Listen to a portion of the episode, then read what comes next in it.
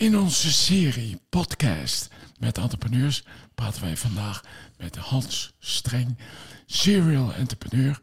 We zitten hier gezellig bij hem aan de keukentafel. Dag Hans, leuk Dag dat je mee wil werken. Wij kennen elkaar nog van Philips, waar jij toen een zeer, eh, ja eigenlijk baanbrekend project leidde, Kitcom. En we horen graag van jou. Je hebt heel veel dingen ondernomen. Buitengewoon interessante weerdegang met allerlei eh, start-ups en scale-ups. En eh, nou, pas maar los. Hoe is het jou vergaan als ondernemer? Ja, eh, we kennen elkaar inderdaad van, van Philips. Ik ben ooit bij het NatLab begonnen bij Philips met een echt technisch hart. Ik kwam rechtstreeks van de TU in Eindhoven en ben gewoon overgestapt naar het NatLab. Ehm, daar heb ik eh, een paar jaar in de research gezeten en vroeg mij af hoe het in vredesnaam mogelijk was dat daar zulke mooie dingen werden gedaan die nooit naar de markt gingen. Het was een soort eh, ja, een, een hok waar eh, de meest mooie beestjes in rondliepen, en, maar die mochten absoluut niet naar buiten. Nou, zo'n dierentuin is, is leuk voor bezoekers, maar is, is niks voor het bedrijfsleven natuurlijk. Ehm, dus ik ben daar toen uitgestapt en ben in wat managementkringen terechtgekomen. En daar vond ik dat ehm, ja, in, in het management van een groot bedrijf ben je veel meer bezig met het onderhouden van de bestaande processen dan met vernieuwen. En ik denk dat is bijna een open deur, zoals dat tegenwoordig. Je, je eh, bedoelt dat je binnen Philips Ja. van een researchersrol ja. naar een managerial ging. ja. En dat beviel je niet zo. Nee, dat beviel, dat beviel me niet. Toen kreeg ik de mogelijkheid om eh, iets te gaan doen aan nieuw business. Want eh, er was net bij Philips was eh, Frank Caruba gekomen. Die kwam van eh, HP af. Die was eh, CTO daar. En die had bij HP iets soortgelijks meegemaakt. Dat het bedrijf eigenlijk te groot was om nog aan nieuwe dingen te denken. Dus zeg maar, de ouders waren te oud geworden om nog kinderen te krijgen. Daar komt het ongeveer op neer. En Frank Caruba die wilde graag een proces hebben om allerlei nieuwe activiteiten in een soort incubator-achtige setting om die van de grond te krijgen. Ik heb er toen eentje opgezet. Eh, eh, dat was een, een eh, communicatiebenadering als tegenhanger van de, van de Game Boy, zeg maar, die speciaal voor jongetjes was. En wij hadden een communicatiedevice, een PDA, speciaal voor een meer vrouwelijke doelgroep als tegenhanger. Eh, dus een beetje de blend van My First Sony. Eh, dus iets voor de jonge doelgroep doen. En voor communicatie wat op dat moment eh, echt aan het doorbreken was, samen met pen input devices. En daar zijn wij elkaar toen tegengekomen met het project. Maar ja, dat project dat, het, het liep heel erg goed, maar werd op een gegeven moment om allerlei eh, corporate redenen werd het onderuit gehaald. Het had niets met het project zelf te maken, maar veel meer te maken met het feit dat het, de, de resources die nodig waren om dit project te laten slagen, die werden op een, op een ander project gezet. Die met name met mobiele telefoons te maken had. En ja, jij zat daar toen ook in. Je was niet de schuld, Gijs, maar, Nee, maar eh, nee, maar jouw visie was heel goed. Ik weet nog dat ik heb jou toen een boekje gegeven. Ja. Dat heette Brain Sex. ja, En dat had niks met seks te maken. Maar dat verklaarde heel goed, eh, gebaseerd op empirie, het verschil tussen mannen en vrouwen. En jongens en meisjes. En daaruit kon je heel goed afleiden wat eh, jouw doelgroep, meisjes van, het was tussen de 10 en de 15, 15, ja. wat die voor onderlinge communicatiebehoeften hebben. Ja. En daar was jouw product op gericht. En ik denk dat het heel succesvol had kunnen zijn. Ja, het is ook een beetje, en dat komt nu ook weer terug, eh, de balans vinden tussen het, de, de masculine benadering en de feminine benadering. Dat heeft ook alles te maken met hoe je bedrijven opzet. Hè. Het masculine is dat je echt eh, doelgericht voor, voor het doel gaat. Een vrouw kan dat ook doen, maar het is een masculine eigenschap. De feminine eigenschap is dat je veel meer denkt aan de context. Dus veel meer het verzorgende en veel meer wat er eromheen gebeurt, wat de consequenties zijn van je acties. En veel meer op communicatie gericht, dus overleggen met, met anderen. En die balans tussen masculin en feminien, die zie je nu ook weer heel erg terugkomen in deze tijd. En ik, ik denk dat de wereld daar ook aan toe is. Hè. De zorg voor het klimaat bijvoorbeeld is, is ongelooflijk eh, feminien. Dat eh, heeft niets met uh, masculine te maken. We moeten het misschien wel op een masculine manier oplossen, maar het is een feminien effect. Nou, die balans masculien-feminien, daar komen we misschien nog uh, straks nog even op terug, uh, want die is wel heel erg belangrijk. Het team wat ik toen had, was ook heel erg in balans. Omdat het moet passen bij het soort werk wat je doet. Dus ik heb toen willens en wetens gezorgd dat er allemaal meisjes zaten op, op productmanagement posities en op marketingposities. Dus de manier waarop je dit definieert en de manier waarop je het in de markt zet, moet wel een hoog feminien karakter hebben. Want als je dat masculien gaat doen, dan ben je binnen de kortste keren weer bezig om zo'n PDA om te toveren in een een of ander schietspelletje. En dat was zeker niet de bedoeling. Um, maar goed, het werd onderuit gehaald. Um, en toen heb ik gezegd, ja, dit, dit doe ik niet meer. Uh, dus ik ben weggegaan bij Philips en ben een start-up begonnen in datacommunicatie. Um, uh, dat was met uh, kabelmodems. het was toen net begonnen om hoge snelheid internet, om dat via de tv-kabel mogelijk te maken. We hebben daar in Eindhoven hebben we daar een bedrijfje voor opgezet. Um, en dat is na een paar jaar is dat doorverkocht aan Barconet in België. Barconet was toen net naar de beurs gegaan, dus die hadden een hoop aandelen. En de hele transactie werd ook gedaan in aandelen. Dus het bedrijf werd voor een dikke 100 miljoen verkocht. Daar waren we heel erg blij mee. Waren dat al euro's?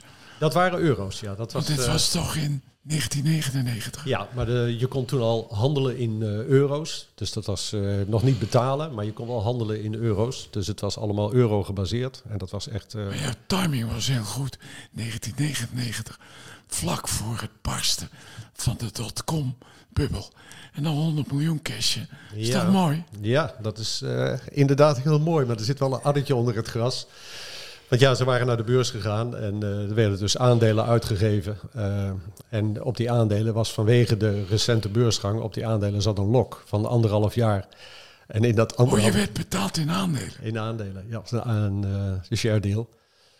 dus de deal was heel goed. En de verwachting was, dit gaat nog veel verder door het dak. Dus dromen van een miljard en zo. Ja. Maar ja, in plaats daarvan ging de skihelling de andere kant op. Ja. En na anderhalf jaar was het gewoon weg is toch een verschil tussen theorie en praktijk. Dat kun je wel zeggen, ja. In, dit geval theorie zeker. hadden jullie 100 miljoen. In de praktijk was het na het barsten van dotcom bubbel nul. Nul. Zippo. Ja, was gewoon weg. En dan denk je, ja, wat, wat ben je dan eigenlijk verloren? Want voor die tijd had je het ook niet. En na die tijd had je het ook niet. Dus ja, de delta is, is ook nul. Dus er is eigenlijk niks gebeurd.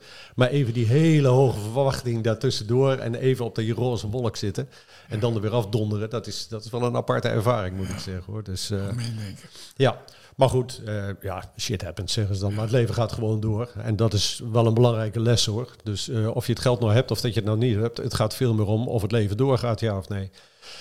Um, daarna werd ik uh, door Philips teruggevraagd.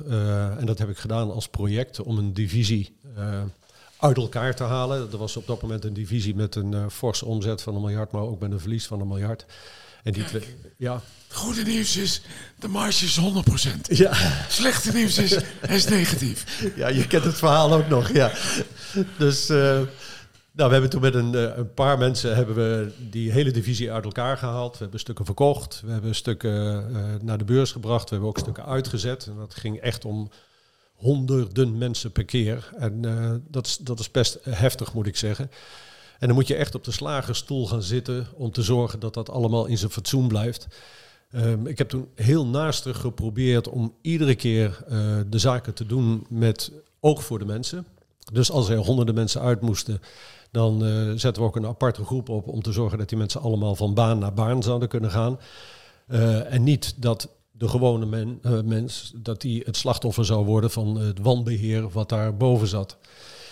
Um, ik, denk dat dat redelijk gelukt is. Ik heb in die tijd ook heel veel vrienden overgehouden, uh, maar dan gewoon op, niet op Philips basis, maar gewoon op persoonlijke basis. En ik denk dat dat iets, is ook een lesson learned, um, dat je altijd als je met respect voor mensen werkt, hoe bot ze ook zijn, uh, maar je probeert te begrijpen uit welke context zij komen, dat je dan altijd goede medewerkers kunt vinden en ze net zo goed kunt laten gaan, want je houdt een vriend over of een vriendin over. En dat is zoveel meer waard dan een medewerker die een uh, correct salaris krijgt en die je volgens de processen goed hebt behandeld. Dat, dat is een robot en daar heb je in principe als vriend heb je daar niks aan. Maar vrienden overhouden doe je door met respect met mensen om te gaan. Dat is heel makkelijk gezegd, maar om het in zo'n context te doen van, uh, van een slagersvak, dat is wel een uh, aparte ervaring. Uh, we hebben toen ja, onder andere een, bedrijfje naar de beurs gebracht. Uh, we spraken elkaar daar in het voorgesprek al even over. naar Londen AIM, dus de parallelbeurs in Londen. Um, daar wil je niet terechtkomen. Want er werd door een van mijn mede-boordleden werd er achter de schermen werd er wat in, met voorkennis gehandeld. En de consequentie was dat we binnen een paar dagen voor allerlei advocaten van Londen Eem zaten. En daar een paar dagen binnenste buiten werden gekeerd. Echt van s morgens vroeg tot s avonds laat. Met een boterhammetje op tafel en een glaasje water. En dan maar kijken of jij iets onoorbaars uh, gedaan had. En uh, ja, dat, dat is iets, daar wil je gewoon niet in terechtkomen. Dan, dan merk je dat het ja, Trump zei dan een witch hunt. Nou, dat is echt een witch hunt, want ze moeten gewoon iemand pakken, omdat er duidelijk iets gebeurd is wat niet klopt. Maar ze kunnen het niet vinden, omdat niemand het wil zeggen. Ja, en als je dan zelf niks gedaan hebt, dan moet je je in allerlei bochten wringen om te zorgen dat je daar onderuit komt. Ja, dat heeft met het bedrijf niets te maken. Dat heeft met eh, de medewerkers niets te maken. Dat heeft met uh, de aard van de business die je doet niets te maken. Dat heeft alles te maken met dat gewinkel van een paar individu individuen die daarboven zitten. En die voor puur eigen gewin gaan. En daarmee de hele zaak van de helling aftrekken. Daar heeft het mee te maken. Nou, ik, ik heb gezegd, dat, dat wil ik gewoon nooit meer. En ik zal ervoor zorgen dat ik altijd aan de, aan de kant blijf zitten waar je gewoon wel hard speelt. Hè? Dus in een wedstrijdje kun je gewoon hard spelen. Je kunt ook best een keer tackelen en per een keer over de schreef gaan. Maar dan moet er een scheidsrechter die zijn die zegt, oké, vrije bal voor die anderen. Maar je moet er niet ingaan met zeggen, als ik nou maar genoeg benen breek, dan win ik geheid. Dat is, zo werkt het niet. Als je een wedstrijd ingaat en je weet al dat je wint, dan is het geen wedstrijd Dan heb je de boel omgekocht. Dus dat moet je niet doen. Um, nou, daar, uh, dus die, dat avontuur bij Philips is uh, afgelopen met het opzetten van een software-divisie binnen Philips. En uh, die is toen meegegaan met uh, de afsplitsing van uh, Philips Semiconductors in NXP. Frans van Hout heeft dat, dat NXP-stuk gedaan. En die wilde per se dat dat softwaregedeelte met hem meeging met NXP. Dus ja, ik kon, kon het niet laten schieten, dus ik ben een jaar mee geweest. Maar heb toen al gezegd, ja, ik, ik, ik, ben geen groot bedrijfman, dus ik, ik wil iets nieuws. En eigenlijk zit mijn project van het uit elkaar halen van die divisie zit erop. En als dat software stuk, als ik daar niet de mogelijkheid voor krijg om dat zelf verder op te zetten, want in die semiconductorconstructie uh, ja, zou het blijven zoals het was, dan is er voor mij geen ruimte meer. Dat doe ik niet meer. Dus ik ben toen weggegaan, heb een klein gedeelte van die uh, software divisie in Engeland, in, uh, in Red Hill zat dat, later in Reigate, dus vlakbij Londen, hebben we meegenomen. dat is een software GPS oplossing. Die hebben we meegenomen en hebben dat weer doorgefinancierd. Um, ja, dat, software GPS, ja. dat eens uit. Um, ja, de GPS nu wordt allemaal gedaan met chips. Dus dat een, er zit een antennetje op en er zit er een chipje die allerlei berekeningen uitvoert vanuit de satellietsignalen die die krijgt. En die berekeningen geven je dan meteen een locatie. Uh, maar dat is een chip. En die, ja, die die moet je wel inbakken in je apparatuur. En zeker toen uh, was het zo dat niet in alle apparaten zat zo'n, zeker niet in laptops en zo, daar zat geen, geen GPS-chip in. Dus daar moest je van alles op aansluiten om toch uh, iets met locatie te kunnen doen. Maar dit was een softwareoplossing waarbij je alleen maar het antennetje nodig had. En dat signaal dat werd rechtstreeks opgeslagen in een buffertje en werd dan met software geanalyseerd om de locatie eruit te kunnen halen. En dat gaf allerlei nieuwe toepassingen in, uh, in fototoestellen, in bestaande fototoestellen zelfs. Uh, waar je gewoon een, uh, een, flitslampje zeg maar, bovenop je fototoestel kon zetten die ook de locatie opnam en dan koppelen. Technologie nu in gebruik nog? De technologie is, is voor professionele doeleinden is nog in gebruik.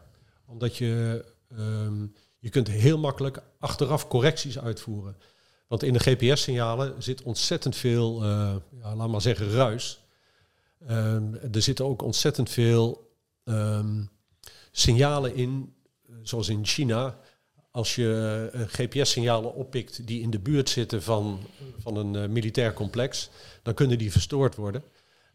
de kaarten die je eruit haalt, dus de conclusies over ik zit hier of daar, die kaarten die kunnen ook zijn aangepast, zodanig dat je niet precies weet waar je zit.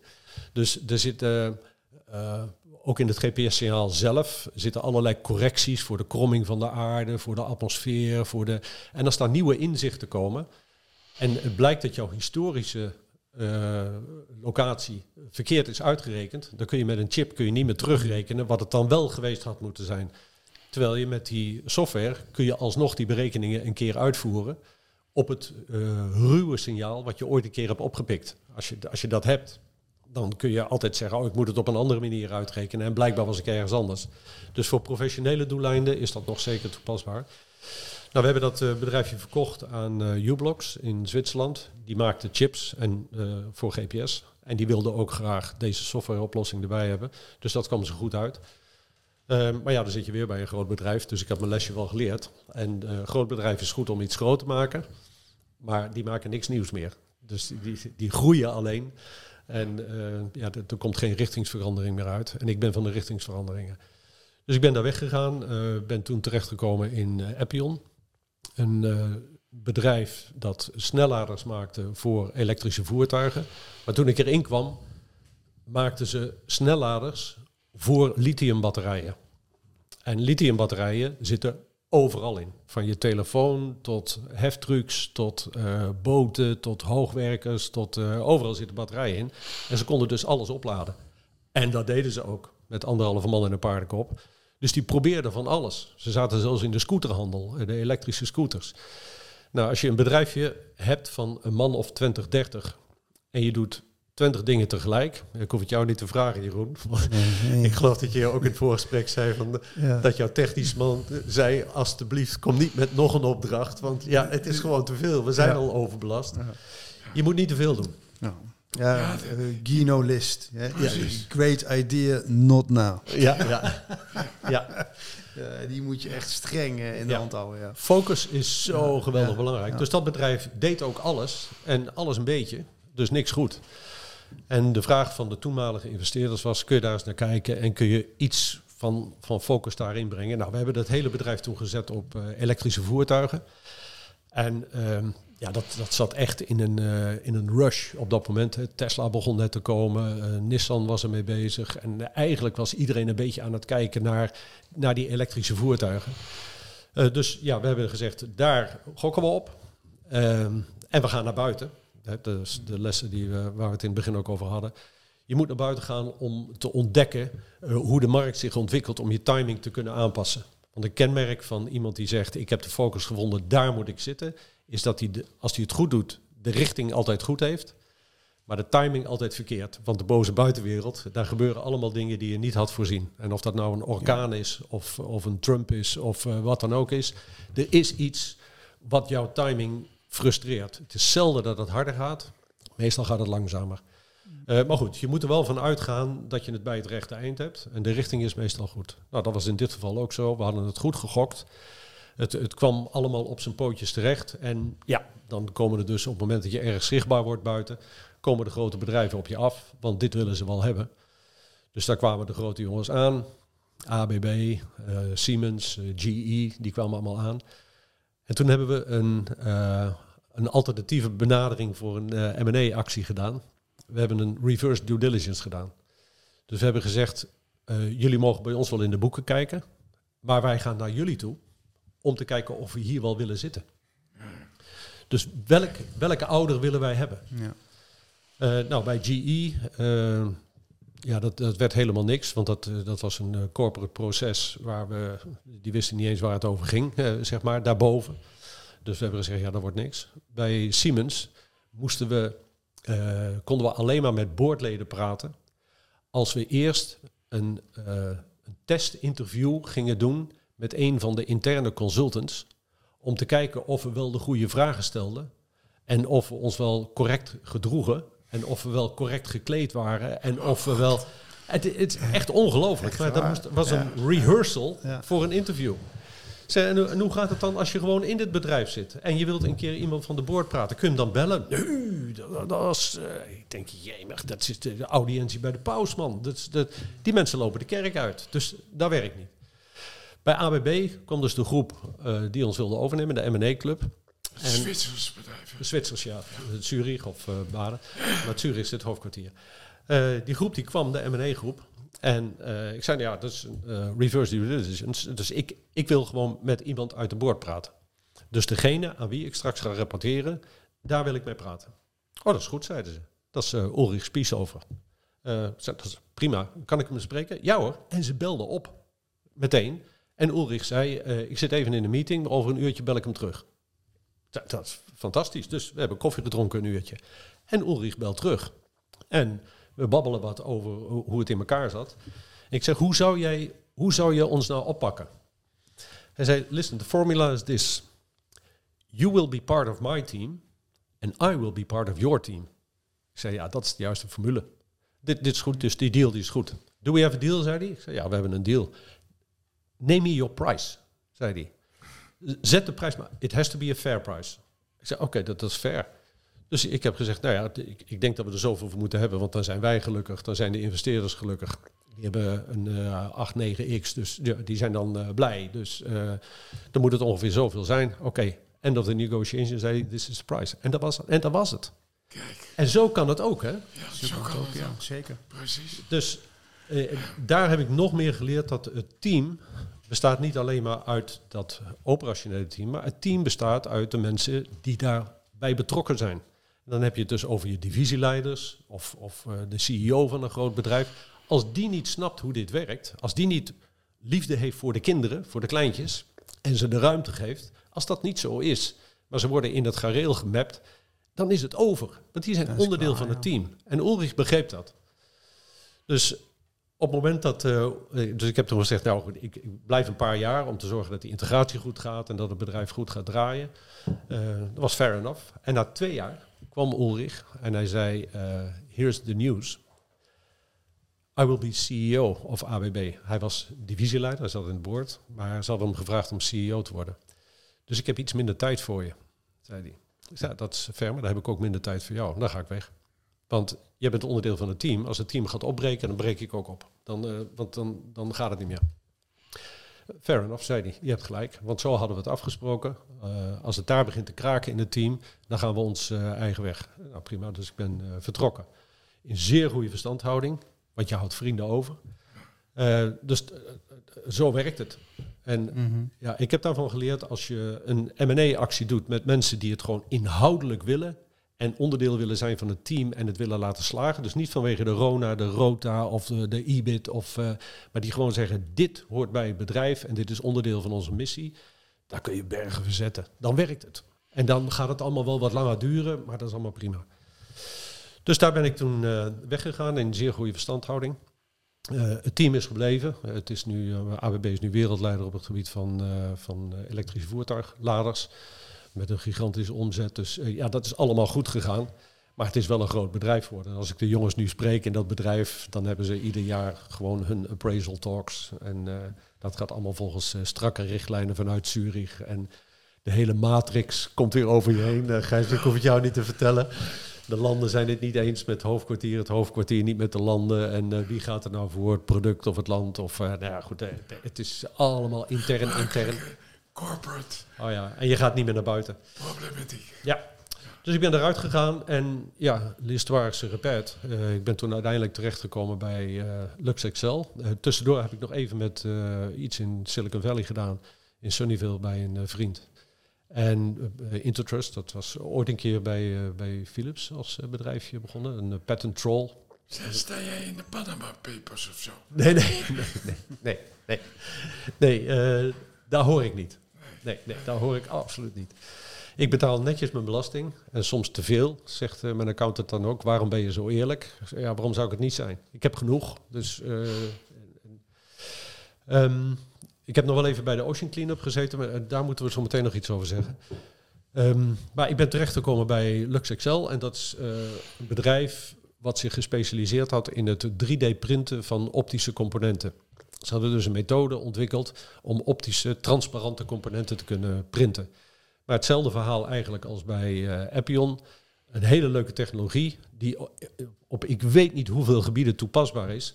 Dus ze deden al die gebieden. En overal werd een klein beetje geld verdiend, maar het geld aan de achterkant ging er veel harder uit dan dat het aan de voorkant binnenkwam. En ieder nieuwe opportunity, eh, werd weer gezegd van ja, het gras is toch weer groener aan de andere kant van het hek, springen we daar ook weer overheen. En het bleef maar springen. Dus dingen printen, je zegt transparant, die dus doorzichtig waren. Ja, ja. Ja, ja, precies. Dus Dus denk glas. glas, eh, flesjes, eh, lampenkappen, daar was het oorspronkelijk mee begonnen. Het kwam uit een, uit een eh armaturenbusiness. Eh, dus lampenkappen kon je daarmee printen in willekeurige vormen. En zeker met de komst van ledlicht eh, ja, kun je gewoon armaturen in een willekeurige vorm printen. Want je hebt geen hitteproblemen, je, hebt geen, je kunt de leds er gewoon bij inbakken. En, maar goed, dat kun je allemaal... Je print dus glas en plastic. Je, je print plastic. Plastic. Ja. En een lens is ook plastic. Een brillenlens is altijd... Er zijn nauwelijks nog glazen. Eh. Je noemt het een brillenglas. Maar is plastic. brillenglazen zijn allemaal plastic. Oh, Ja. shit, oh, dat- Alles, niet. alles is plastic. Dan breekt het niet, hè? Ja. En dat is een behoorlijke uitdaging hoor. Ehm, maar goed, de, de vraag was dus, eh, kun je wat focus aanbrengen in het bedrijf? Want het drijft alle kanten op behalve één. En we hebben toen gekeken naar waar zit de grootste opportunity. Dus waar zit de meeste eh, uniekheid van, eh, van deze technologie? En dat zit in brillenglazen. Dus we zijn daar brillenglazen gaan printen. En dat lukte verrassend goed. Eh, dus echt brillen rechtstreeks het montuur in kunnen printen eh, bijna. Op sterkte. Op sterkte. Ook. Dus je krijgt Multivocaal. ook multifocaal. Ja. Ja. Het, eh, de tweak die er nog in zat was dat het materiaal wat gebruikt werd had een, een verwekingstemperatuur die rond de eh 60, 65 graden zat. En dat is, dat is nogal nadelig, want als die gaat verweken terwijl je bril op je dashboard ligt bijvoorbeeld eh, van je auto en het wordt eh 70, 80 graden, dan, dan eh, gaat je brillenglas gaat vervormen. Zeker als die in, ingedrukt zit in een montuur, ja, dan, dan, eh, ja, dan wordt hij krom. En zet je dan je bril op, dan zie je iets heel raars. Dus dat, dat werkt niet. Dus die tweak die moesten we oplossen, maar dat is opgelost. Eh, dat is klaar. En er kunnen nu brillenglazen geprint worden met coating erop. Hè, want het brillenglas heeft een, eh, eh, een anti-reflective coating en een hardcoat, zoals ze dat zeggen, om het plastic te beschermen tegen krassen. Die hardcoat kun je gewoon meeprinten. Eh die anti-reflective coating kun je ook gewoon meeprinten. Dus je krijgt van de opticien de, je montuurmaat. Dus je, je kiest een montuur en dan zegt hij, nou, dat glas moet ongeveer zo groot zijn. En je moet een min 3, min 4 of een, een multifocaal of wat dan ook, eh, dat zou je willen hebben. Dat recept gaat eigenlijk de printer in. En aan het einde komt het glas eruit. Gewoon zoals je het wil hebben. Ehm, de kosten daarvan zijn zeker in de beginfase zijn meer dan een bestaande brillenglas. Hè, een bestaand brillenglas, eh, ook zoals jij hem hebt, Gijs, dat kost een paar dubbeltjes. En als je ziet wat jij betaalt, Breek met de pek niet open. het Dat is, is werkelijk, werkelijk eh, schandalig. En ieder glas wat jij hebt, dus eh, in, in die bril, beide glazen, komen uit een eh, ruwe vorm. Dat is een, zo groot als een ijshockeypuck. Dus eh 10 centimeter, 12 centimeter doorsnee. Een centimeter of 2, 3 dik. En die gaat een slijper in. En die slijper, die slijpt volgens dat recept, slijpt hij het glas eruit. Dat gaat met honderden liter, liters water. Het meest pure water wat je je kunt voorstellen. Al die plastic drap komt, ja, in principe moet dat eh, gerecycled worden, maar heel veel daarvan komt gewoon in de natuur terecht. Als je ziet wat een vervuilende industrie dat is, dat is echt schandalig. En we gaan maar door, hè. En we kopen drie, vier brillen per jaar. En ieder van die glazen is weer een puk waarbij 80, 90 procent van het plastic gewoon Gewoon verdwijnt. wordt, ja. Er wordt allemaal weggegooid. Heeft Lux Excel inmiddels niet de halve wereldmarkt gepakt? Nou, mensen draaien op kosten. Wat ik al zei, jij geeft 100 euro uit voor, eh, voor jouw bril. Of 200 of 500, want dat maakt tegenwoordig ook niet meer uit. Je kijkt er niet raar van op als Pearl zegt... eh, u koopt een bril voor 100 euro en dan krijg je nummer 2, nummer 3, die krijg je gratis. Ja, blijkbaar houden ze dan nog wat over ook. Dus blijkbaar is de prijs sowieso al... kan niet veel hoger zijn dan een derde. Maar goed, we trappen er allemaal in. En die margestructuur, de grote bedrijven die hier bezig zijn, die houden die margestructuur natuurlijk overeind. En die gaan echt niet eh, zorgen dat hun kosten omhoog gaan. Eh, want nu verdienen ze geld als water met een vervuilende industrie. LuxExcel moet dan binnenkomen en moet knokken tegen die bestaande industrie en zeggen: we hebben een schonere, een betere methode om ja, effectief dezelfde brillenglazen te maken. En dat is een hele moeilijke binnenkomer. Dus wat hebben we gezegd? We moeten ons richten binnen de brillenmarkt op brillen die niet met de bestaande technologie makkelijk te maken zijn. Dus we zijn begonnen met specials. Dus met extreme dioptrieën. Dus als iemand bijvoorbeeld een, een, een plus 20 heeft, een extreme leesbril, eh, die kan met de bestaande technologie, met de slijpers, kan die niet gemaakt worden. Die moet met de hand gefreesd worden. Dat is, ongelo- dat is echt ongelooflijk duur. En dan in één keer is LuxXL heel goedkoop. Min 20, precies hetzelfde. Eh, allerlei facetbrillen heb je ook, waarbij er van die, van die driehoekjes onderin zitten die een beetje uitklappen. Eh, dat soort brillen voor oogaanpassingen, ja, die kun je met bestaande technologie kun je niet slijpen. Printen, geen probleem. Dus daar is een relatief kleine markt. Daar kun je je technologie op verbeteren. En de grote markt die er nu aankomt, is de markt van augmented reality. Waarbij er in een bril op sterkte, in het glas, een insert zit. Waarbij eh, aparte projecties eh, in jouw zichtveld worden gemaakt. Dus eh, denk aan navigeren. Je hebt een bril op in je auto. Je rijdt en je hoeft niet iedere keer op de navigatie op het scherm te kijken. Maar er wordt gewoon in jouw brillenglas wordt gewoon een pijltje geprojecteerd. Ehm, er zijn ontzettend veel toepassingen. Van, van je standaardbril. Je standaardbril. Gewoon je normale bril. eh, daar kun je een insert in, eh, in krijgen. Eh, en er zijn verschrikkelijk veel toepassingen waar we nog niet eens aan gedacht hebben. Gewoon omdat het er nog niet is. Maar navigeren is heel erg aansprekend. Wat er in de professionele wereld al gebruikt wordt, eh, is bij monteurs die met zo'n bril op kijken naar een machine die ze moeten repareren. En dan wordt er in hun gezichtsveld wordt gewoon een plaatje van die machine gemaakt. En, en een pijltje met welke, welk snoertje je moet hebben om iets te kunnen repareren. Daar hoef je niet iedere keer je manual naar te kijken. Maar hij brengt je gewoon naar de plek waar je de boel moet onderhouden. Dus alles wat met reparatie, montage en dat soort dingen te maken heeft, daar kun je dit voor gebruiken. Nou, denk maar aan spelletjes spelen eh, met Pokémon die, eh, die eh, je veld in komt springen en kinderen die daar spelletjes mee kunnen doen. Dus zeker de gamingwereld gaat dit ook allemaal mogelijk maken. Jeroen, je zei in het begin al, het wordt wel eng als je op straat te horen krijgt van eh, kijk eens wie daar tegenover je staat. En je krijgt in je blikveld krijg je geprojecteerd. Dit is waarschijnlijk iemand Ja. die je niet moet vertrouwen. Dus de privacy issues spelen daar een enorme rol. Maar ja, vanaf de andere kant, je kunt er allerlei gaming toepassingen van maken. Technologie op zichzelf is niet goed of fout. Het is het gebruik wat het goed of fout maakt. Dat is, dat is een open deur. Maar goed, Lux Excel is daarop gericht. En die markt, die begint nu echt te, te... Die staat op de vooravond van exploderen. Alle grote techbedrijven zijn ermee bezig. Hè. Mark Zuckerberg heeft net gezegd dat eh, het moederbedrijf van Facebook heet nu Meta. Want hij gaat naar de meta, eh, metaverse. En daar wordt alles geblend met virtual en augmented. Eh, ik weet niet of het allemaal zo'n vaart zal lopen. Maar dat dit een added value heeft in, op zeer veel gebieden. Van medical tot professioneel, tot gaming. Tot, je kunt daar geweldig veel mee doen. Dat geloof ik wel. En dat heeft Tim Cook er ook toe gebracht van Apple. Om te zeggen dat eh, augmented reality, dus eh, de smart glasses, glasses, dat is de next big thing after eh, the phone. Dus hij verwacht dat dit soort toepassingen, hè, dus de, de intelligent wearables, de combinatie van je, van je horloge zeg maar, en je bril, dingen die je sowieso bij je hebt, dat, dat, dat daar de intelligentie in geïntegreerd moet worden. Dus nou, ik, eh Lux Excel was toen net weer doorgefinancierd. We hadden het goed gericht. Eh, het zat meer in de uitvoeringsmodus. En toen zat ik op een punt waarbij de kleinkinderen begonnen te komen. Waarbij er om ons heen eh, mensen toch wel erg veel enge ziektes begonnen te krijgen. Dus je krijgt een beetje het horizon-effect. Dat je denkt, ver, verrek. Er zijn ook nog andere dingen belangrijk. Toen heb ik met mijn vrouw gezegd, weet je wat we doen? We richten ons puur en alleen nog op het doen van dingen die we zinvol vinden. En we laten dat hele geldaspect, dat laten we even weg. Eh, we hebben genoeg, dus ik, ik klaag helemaal niet. Jullie zien het huis, het, het is leuk wonen hier.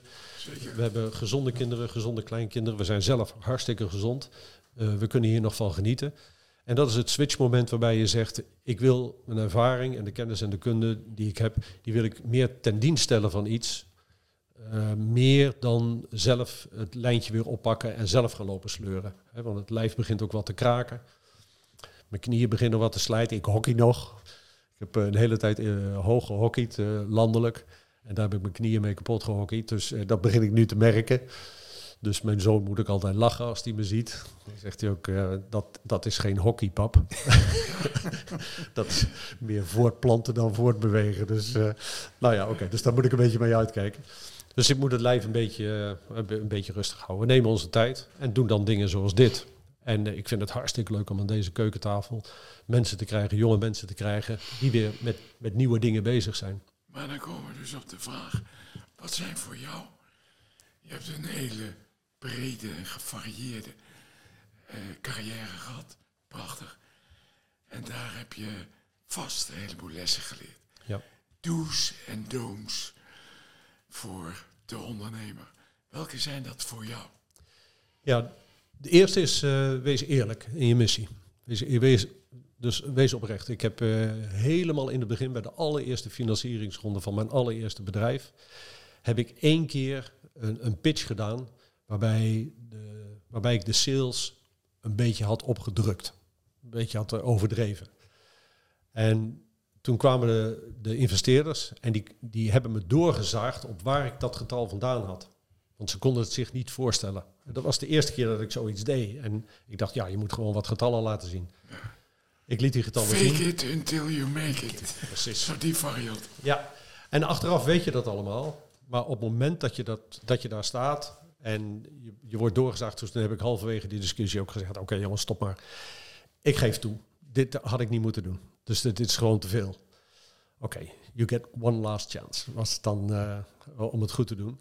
Eh, daar heb ik van geleerd, wees eerlijk. Eh, ik was een beetje in, in de bluffmodus door anderen gedrukt. Zeg maar van, ja, als je maar opschroeft, dan, dan doen ze het wel. En zeker in die bubbeltijd was dat, hè, van die internettijd. Alles wat je schreeuwde werd maar voor zoete koek aangenomen. Wees eerlijk. Dus je mag best ambitieus zijn, maar er moet wel iets onder liggen dat je zegt, ja, dit kan echt. En dat kan op ervaring gebaseerd zijn. Dat kan zijn op, eh, op het feit dat je die informatie hebt van iemand die betrouwbaar is. Of, eh, maar het moet, wel, het moet eerlijk zijn. Dan kom je op wat maakt de succeskans van, van een bedrijf. Na mijn omzwervingen heb ik geleerd dat 25% van de slaagkans wordt bepaald door het plan wat je hebt. Dus dat plan moet eerlijk zijn. Het plan moet doortimmerd zijn. Het moet ambitieus zijn. Eh, het moet een plan zijn wat gewoon, waar je aan alle aspecten gedacht hebt. Als een investeerder dan tegen je zegt, eh, kan die sales twee keer zo hoog? Als je dan als antwoord geeft, ja, dat zou ook kunnen, dan heb je er niet over nagedacht. Dat is flauwekul. Eh, als je, je je richting iets wil aanpassen, dat een investeerder zegt, ja, jij wilt nu in Europa iets doen, maar zou je niet liever beginnen in Amerika? En je zegt, oh ja, dat zou ook kunnen, dan val je af. Dat, dus je moet erover nagedacht hebben. En als je dat niet hebt gedaan en je bent bereid om nog zulke switchen uit te voeren, is je plan nog lang niet af. Dan, dan ga eerst maar naar huis en kom bij mij aan de keukentafel zitten, dan hebben we het er nog eens over. Dus breng die focus al, breng die focus aan. Uh, een goede ondernemer heeft een goede gut feel daarbij en uh, die voelt echt wel waar de markt zit. Ook al kan hij het misschien zelfs niet in de markt krijgen, maar heeft een goed gevoel voor dit is nuttig. Vanuit de inhoud. Niet vanuit geld, hè, want dan moet je de bank beroven. Als je snel rijk wil worden, beroof de bank, doe een plofkraak, ben je morgen rijk. Dus da dat werkt veel beter. Maar als je echt vanuit de inhoud wil werken, high-tech wil werken, dan moet je snappen waar het over gaat. En je moet voelen dat wat je aan het doen bent, dat dat echt zinvol is voor een markt. Ook al kun je het zelf misschien niet in de markt zetten. Dat is een plan. Het plan moet goed zijn, 25% van de slaagkans. De volgende 25% wordt bepaald door het team. Het team, mensen praten er vaak over. Mijn bedrijf heeft een heel leuk team. Jij zei het ook zo, Jeroen. Ik heb hartstikke leuke mensen. Hè. Een klein tiental loopt daar rond. Maar dat is maar een heel klein gedeelte van het team. Het team bestaat ook uit je investeerders. Als de investeerders daar alleen maar zitten met geld, dus ze stoppen er geld ja. in en ze zagen je door op geld. Zijn ze geen onderdeel van het team. Dan zijn ze een surrogaat voor een bank. Want die zijn nog veel erger. Een investeerder moet onderdeel zijn van je team. Zoals Ulrich Spieshofer zei. You will be part of my team. I will be part of your team. Dus hij doet mee omdat hij gelooft in die missie. En hij gaat helpen om de ontbrekende schakeltjes om die nog in te vullen. Dat hoort bij je team. Nog breder, je familie hoort er ook bij. Niet omdat ze dat ze mee moeten werken. Maar dat zijn ook vrienden en familie zijn essentieel in het, uh, in het uh, serendipiteit, in het vinden van die openingen die je zelf, of die dingen die je zelf niet had gezien. De context waarin je dit doet, is wel de wereld waarin je leeft. Dus je bent niet alleen op de wereld. Je gaat niet alleen in, in een kamertje zitten en uh, de grote entrepreneur lopen uithangen. Maar je bent onderdeel van je eigen ecosysteem. Daar hoort je familie bij, daar horen je vrienden bij, daar horen je buren bij. Dat hoort bij je team. ze moeten jou steunen in wat je aan het doen bent. Als daar mensen tegen zijn, met name tegenwoordig, als er op social media een grote activiteitenclub is die tegen jou is, dan heb je het heel hard te halen. Als je die twee hebt, 25% slaagkans voor je plan, 25% voor je team, dan zit je bij elkaar op 50%. En de rest, na de 100, is mazzel. Dus dat is puur geluk. Maar geluk kun je wel organiseren, dat zei Cruijff al. En geluk organiseer je door naar buiten te gaan. Want je komt dingen tegen die je niet had voorzien. We zeiden in het begin al, de, de, de timing van je plan is ambitieus. En de timing valt nooit mee. De timing valt altijd tegen, want je had dingen niet voorzien. ja. En er gebeuren rare dingen in de wereld die je niet had voorzien. En dat is maar goed ook. Als je naar buiten gaat, dan kom je ook oplossingen tegen. Dus je moet een team hebben wat naar buiten gaat, wat externe contacten heeft, wat netwerken heeft, wat, eh, wat allemaal die value add die erin zit, dat is allemaal serendipiteit. Je gaat naar buiten toe, je gaat de markt in, je gaat een investeerdersmarkt in, je gaat ook via vrienden en kennissen en familie. Je vendt dit uit en je vindt het uit. Want er komen oplossingen naar je toe. Steve Jobs beschreef dat toch heel leuk in dat commencement address voor Stanford University. Connecting the dots. Ja. Dat is het een beetje. Achteraf, zegt hij, kan ik allemaal uitleggen Absoluut. hoe logisch dit was. Ja, zeker. Maar het was serendipity, precies Ja, wat ja. je zegt. Ja. Achteraf weet iedereen alles van tevoren. Dus achteraf dan, eh, dan weet je ook wat de regering fout heeft gedaan met COVID en zo. Maar eh, vooraf, vooruitkijken en dan zeggen, volgens mij gaat er dit gebeuren. Ja, dan 50-50 zeiden we net. Ja, je hebt maar 50-50 slaagkans. En de ratten van deze samenleving, die zullen altijd op die mislukkans eh, springen. En dan zeggen, zie je wel, hè, ik, ik heb het wel gezegd dat het misging. Ja, dat had ik ook kunnen zeggen, want het is, als alles perfect geregeld is, heb je nog maar 50-50. Hè? En dan moet je dus een stuk mazzel hebben en dat organiseren om het echt te laten slagen. Je moet mensen hebben die dat snappen. Je, er moeten mensen in jouw team zitten die weten dat dit zo werkt. En die moeten dat of aan de lijve ondervonden hebben of van nature zo in elkaar zitten. Maar als dat niet zo is, dan ben je ten dode opgeschreven. Dan is je team niet perfect. Dan is je team niet goed en dan haal je die slaagkans al naar beneden toe. Nou, Heb je, van dan, heb je dan niet ook een team nodig die dan je dan op het moment dat het een keer tegen zit, dat je je dan juist gesteund voelt en juist niet gaat zeggen, ja jeetje, wat doe je nou? Absoluut. Of je wordt nu gestraft, want jij haalt je cijfers niet. Ja, dus moet je nu op zoek naar een andere man die het wel kan. Ja, En dan ga je direct heersen verdeel, wat, eh, wat ik ja, dan ja, ja, ja, ja. ja. krijg je heersen verdeel. ja. En Ja. wij hebben ook verantwoordelijkheden naar de institutionele be- beleggers enzovoort en Ja. daarboven onze En dat is het. Ja, dat ik dat ik is moet- letterlijk het verhaal. Ik moet ook schakelen, want Ja, ik nu niet natuurlijk. schakel... Ja. En in plaats van dat je dus zo'n verhaal moet horen... eh, jij hebt mij teleurgesteld omdat jij eh, dingen hebt gezegd Ja, en beweert ja, die ja, nu ja. niet uitkomen. Zeggen ze nog net niet, waar ben je voor een sukkel? Ja, en dat is precies het verhaal wat je in een corporate omgeving ook Ja. te horen krijgt. Ja. Ik, ik, heb wel, ik heb wel verantwoording af te leggen aan mijn baas. Hè? Ja. Zeg, En wat is jouw added value dan? Dat je gewoon de boodschappen van boven naar beneden en van beneden naar boven bent? Zit je daarvoor voor zo'n riant salaris? Of ben je daar om te helpen om dingen op te lossen? Kijk, ze zeggen, jij bent een sukkel. eh, dus je hebt het helemaal verkeerd gezien. Je hebt het verkeerd aangepakt. Erger nog, je hebt me voorgelogen. Dan ben je niet eerlijk geweest. Hè? En daar waren we mee gestart. Het is een eerlijk verhaal. Ja. We geloven er allemaal in. Precies, Maar we realiseren ons dat dingen tegen kunnen zitten. Nou, dan kijken we of dingen recht te buigen zijn met alle effort die we met het hele team hebben, inclusief die investeren. We helpen jou ook hier doorheen. We knutselen het op zo'n manier dat we toch het schip weer op koers krijgen. Precies. Dan is iedereen dankbaar en iedereen krijgt een fair share. Dat is de manier om Ja, het op te lossen. ja. Maar als je gaat afgerekend worden, Ja. dan ben je, dan ben je zuur. Als je een afrekencultuur terechtkomt, Ja. dan, dan, dan, dan sterft de baby. En natuurlijk is het zo dat je, ja, bij tijden moet je gewoon afscheid nemen van een activiteit. Als het echt gewoon een zeepert is, eh, de markt heeft zich omgedraaid of het is Ja. totaal anders dan wat je gedacht had. Een andere technologie En eh, kopen. ja, Of, ja, een concurrent of wat dan ook. Maar dan is het over het algemeen ook zo dat het, het goede team zegt, inderdaad, het plan werkt niet. We krijgen het plan niet bijgedraaid op zo'n manier dat het gaat werken. Dan neem je als vrienden afscheid. Ja. Je zorgt ervoor, eh, zoals toen bij Philips waar we het over hadden. Als mensen dan toch naar buiten moeten, dan doe je het op een faire manier.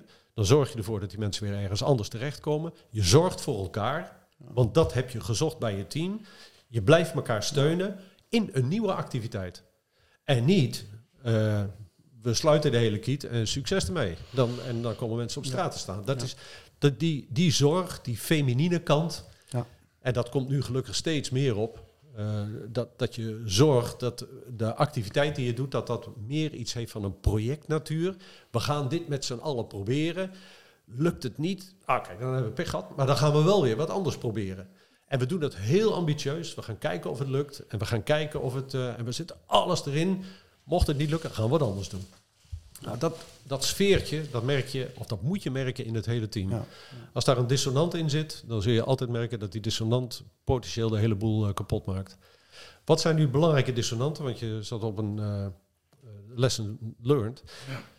Eh, ik heb even meegedraaid met eh, Ocean Cleanup en heb ook nog even wat meegedaan met, eh, met Lightyear. Eh, dus die, die jongens die de zonneauto maken in eh, Helmond.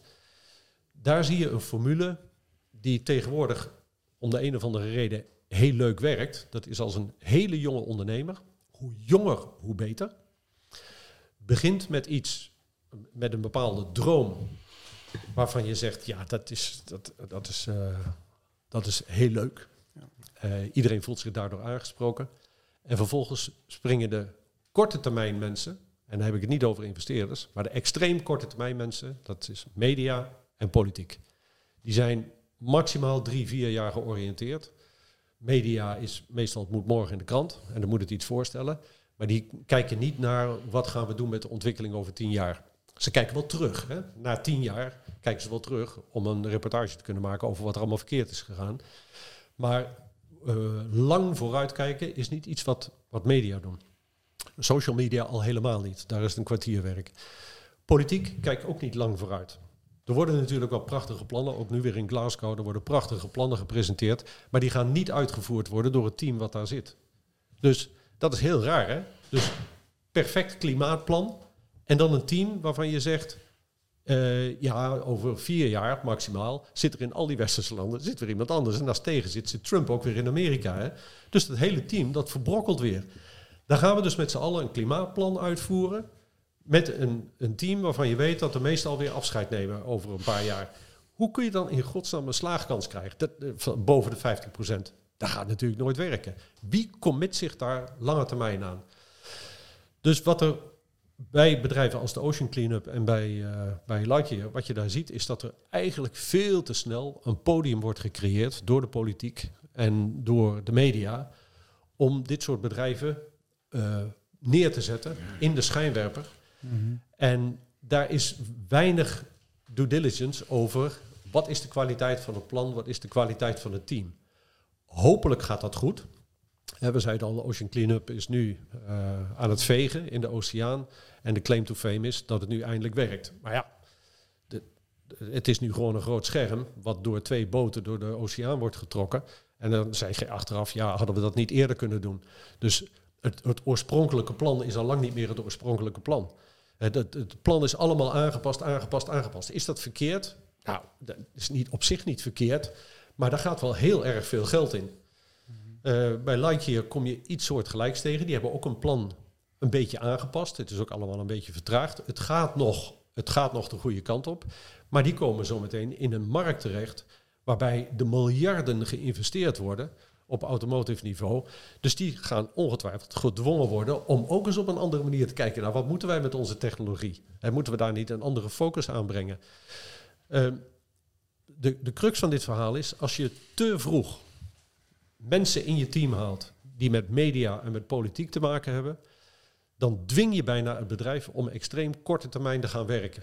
En heel snel met die resultaten te moeten komen, anders word je afgeserveerd. En dat is levensgevaarlijk. Ja. Dus ik heb daarvan geleerd, zorg er eerst voor dat je een beetje onder de radar blijft. Hou te veel voetlicht van media en politiek. Hou dat even buiten de deur als het even kan. Zorg ervoor dat je dat allemaal wegschuift naar de grote bedrijven, want die hebben daar lobbycircussen voor. Laat het daar maar zitten. Zorg ervoor dat je een perfect plan maakt, dat je een perfect team maakt, zonder de media en zonder de politiek. En pas als je over die slaagkans van 50% bent, dus je bent in de markt, je hebt echt iets gedaan, je hebt een lopende business, dan kun je ze naar binnen halen en zeggen, jullie mogen met mij terugkijken. Je mag kijken wat er gebeurd is, maar ga me niet te snel eh, in de schijnwerpers halen. Want ja, al die aandacht is levensgevaarlijk. Nou, dit is een mooie uitsmijter. Hans, eh, Jeroen en ik dank jou hartelijk voor eh, dit boeiende gesprek. Je hebt een uh, buitengewoon veelzijdige en boeiende uh, loopbaan achter de rug. En ik denk uh, dat onze luisteraars hier beslist een hoop pareltjes van meenemen. Dankjewel. Oké, okay, heel graag Dankjewel, gedaan. Okay. Hans.